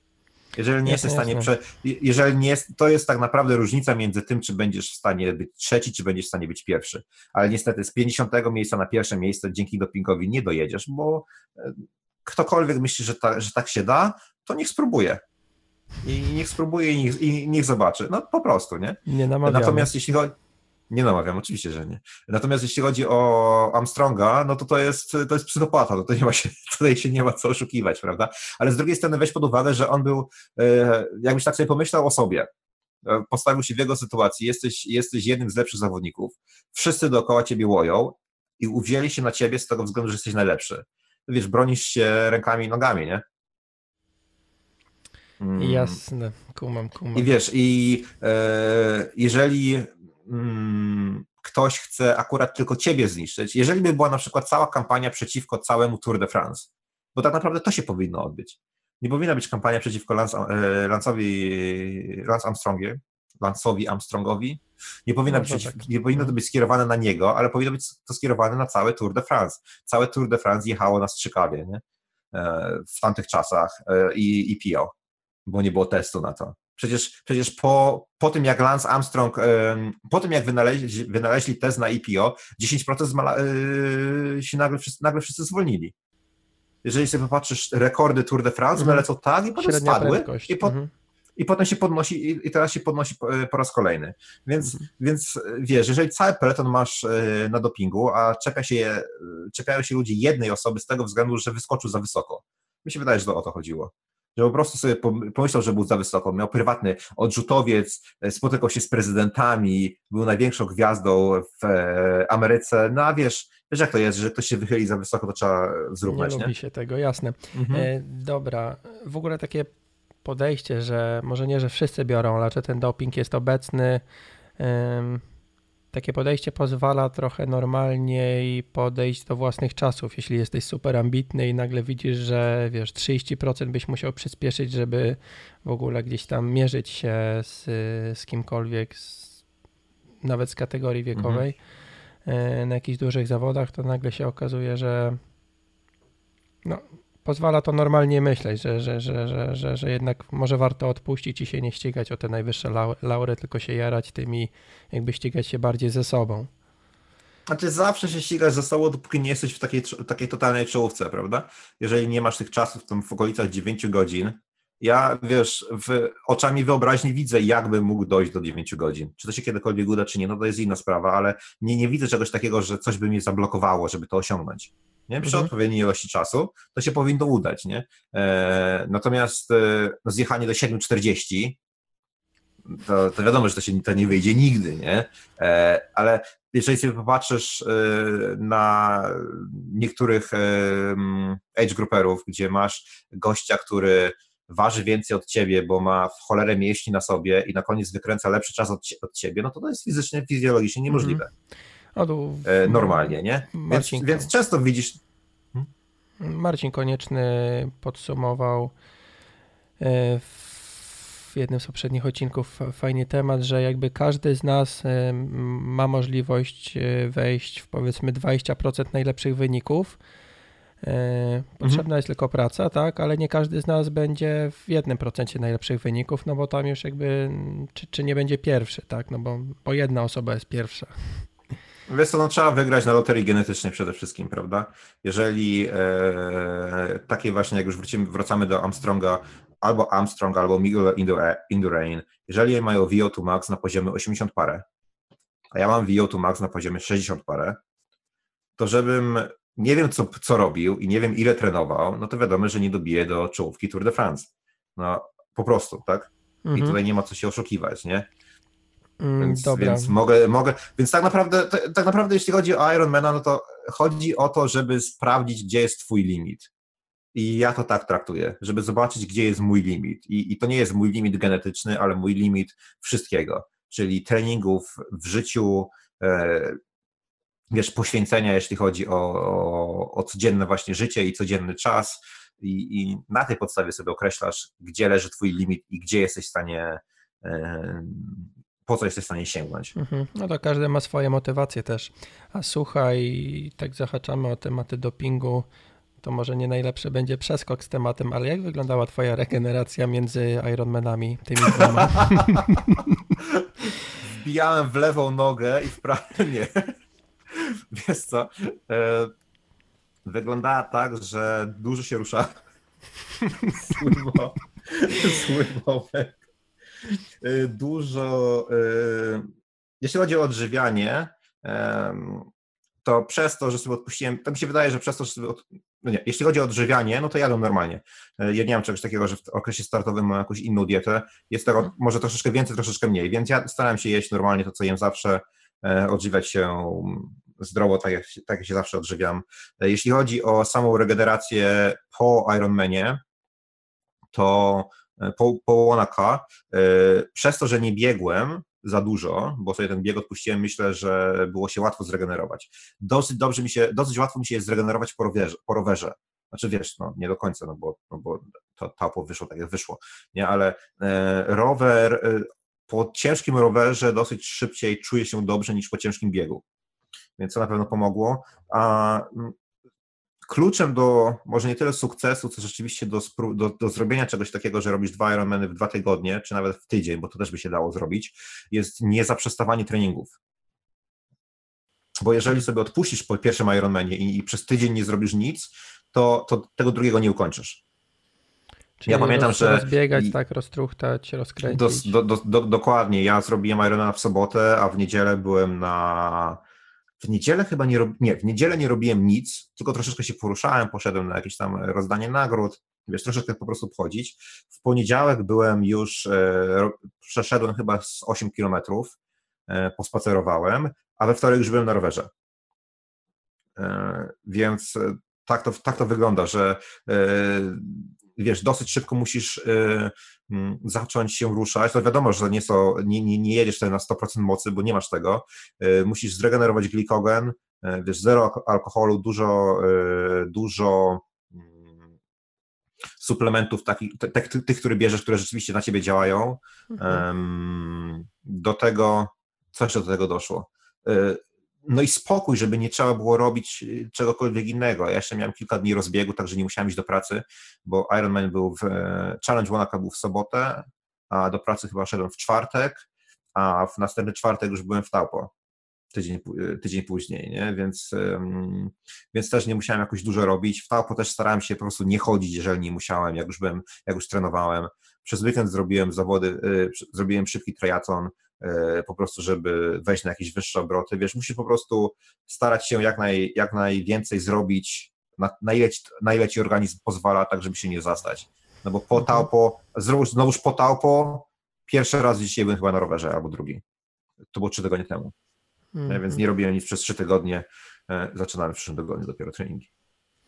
Dobra, słuchaj, dzięki za, za, za rozmowę. Powiedz, gdzie Ciebie można znaleźć w internetach tak zwanych?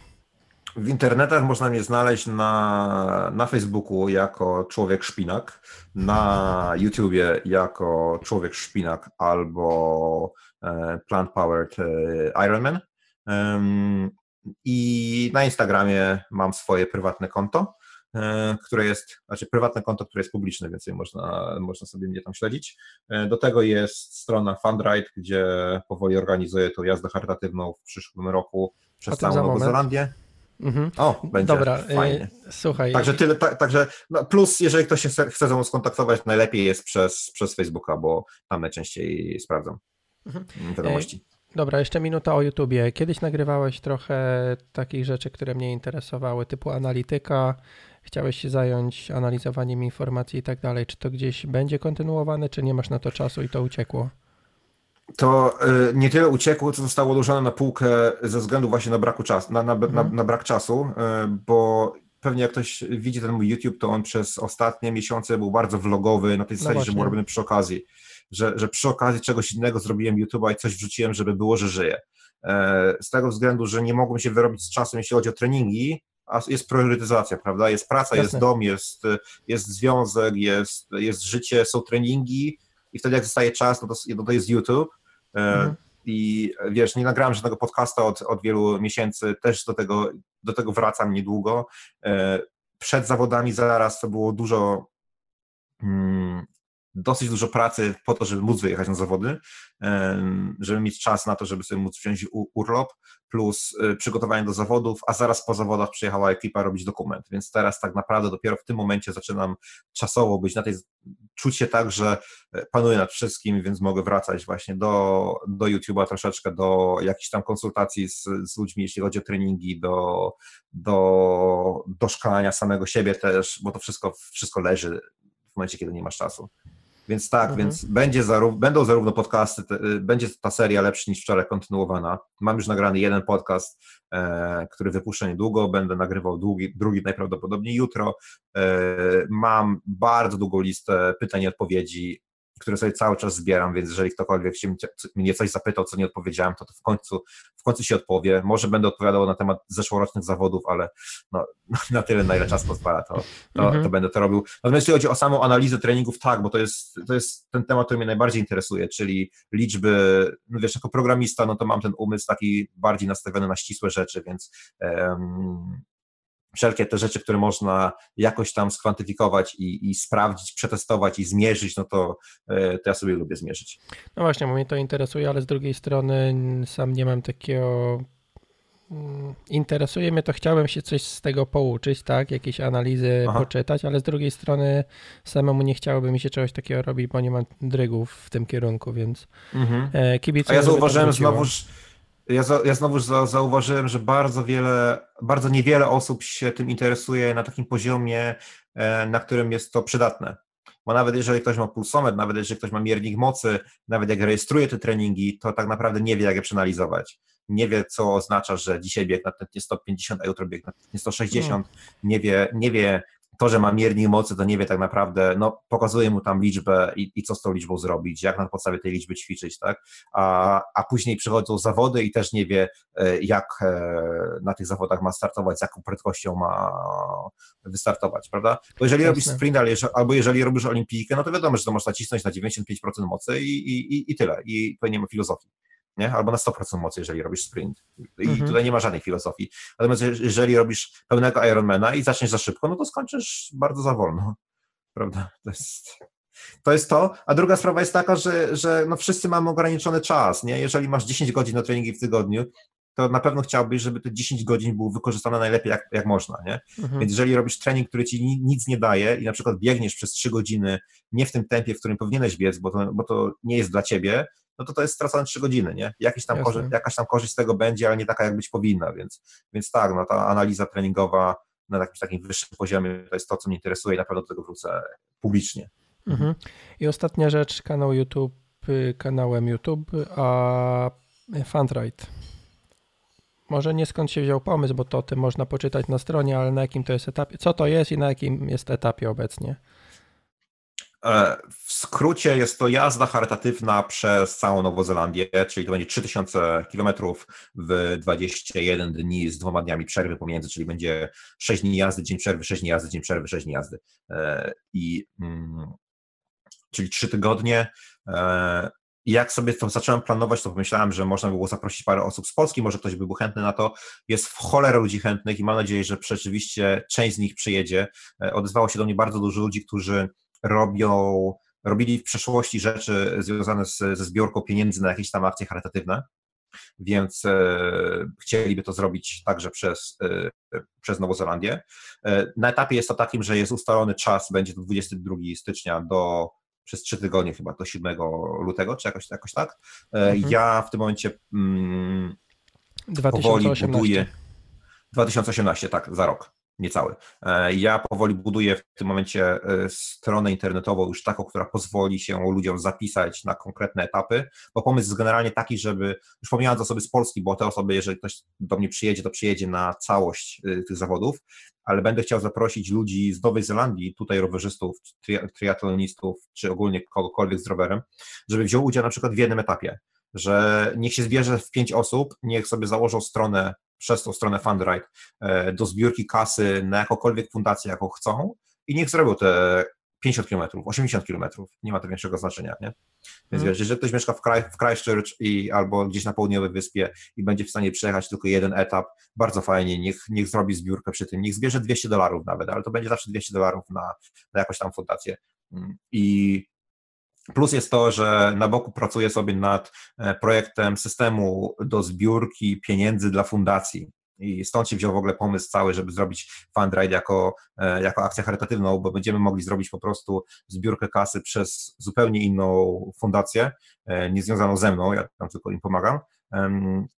I nie będzie podanej fundacji, na jaką możesz zbierać, nie będzie podanej sprawy, na jaką możesz zbierać, bo przeważnie jest tak, że jeżeli organizuje się jakoś rzecz, to możesz zbierać na przykład tylko na Czerwony Krzyż, albo tylko na, nowo, na raka, albo tylko na jakąś fundację, nie wiem, wspomagającą dzieci, dzieciom w Somalii, czy psom, czy cokolwiek innego, nie? Mhm. E, czy zwierzętom. A e, my zrobimy tak, że będzie można zebrać kasę na cokolwiek chcesz, czyli ty będziesz mógł sobie zebrać na myśliwych, a ja będę sobie mógł zebrać na ochronę zwierząt. Może to nie jest do końca, e, nie do końca się to łączy, ale mm, jeżeli, jeżeli można coś takiego zrobić i y, można pomóc fundacjom, które robią dobrą robotę, no to dlaczego nie? Hmm. Także ogóle, na tym etapie to jest. Jak wygląda kosztowo mniej więcej, jeśli chciałbym sobie polecieć z Polski ze swoim rowerem? Ile mniej więcej kasy by trzeba było mieć na taki wyjazd? Yy, w zależności od czasu to jest chyba między 6 a 8 tysięcy złotych, jeśli chodzi o bilet. Mhm. Może trochę mniej, może trochę mniej, e, jeżeli się to zarezerwuje wystarczająco szybko, albo poleci jakimiś tańszymi liniami, na przykład New Zealand albo coś w tym rodzaju.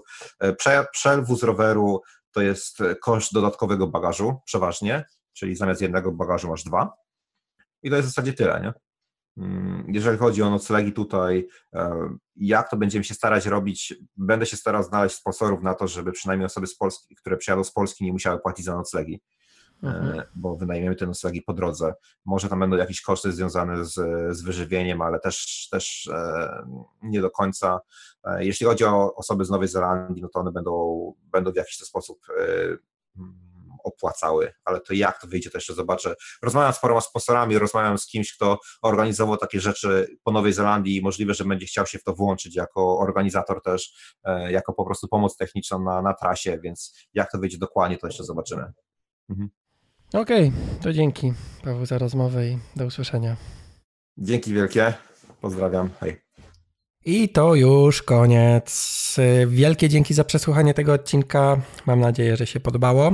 Mm, jeśli chcesz wyrazić swoją opinię lub ocenić mój podcast, to zapraszam do wpisywania e, recenzji podcastu w iTunes oraz do wystawiania tam ocen w postaci gwiazdek. I teraz tak, e, ogłoszenie parafialne. Zadawajcie pytania, zadawajcie pytania, ponieważ kolejny odcinek podcastu będzie znowu z Tomkiem Spaleniakiem, więc yy, muszę mieć pytania, żeby mu zadawać. Mm, postarajcie się. Jeśli uważasz, że coś powinienem poprawić, to, to również śmiało pisz do mnie, czy to w komentarzach e, na blogu na, ironfactor, na ironfactory.pl, czy, czy, czy, czy na Facebooku. Notatki do tego odcinka bo na pewno trochę, trochę będzie linków, bo, bo Paweł wymieniał mm, sporo rzeczy.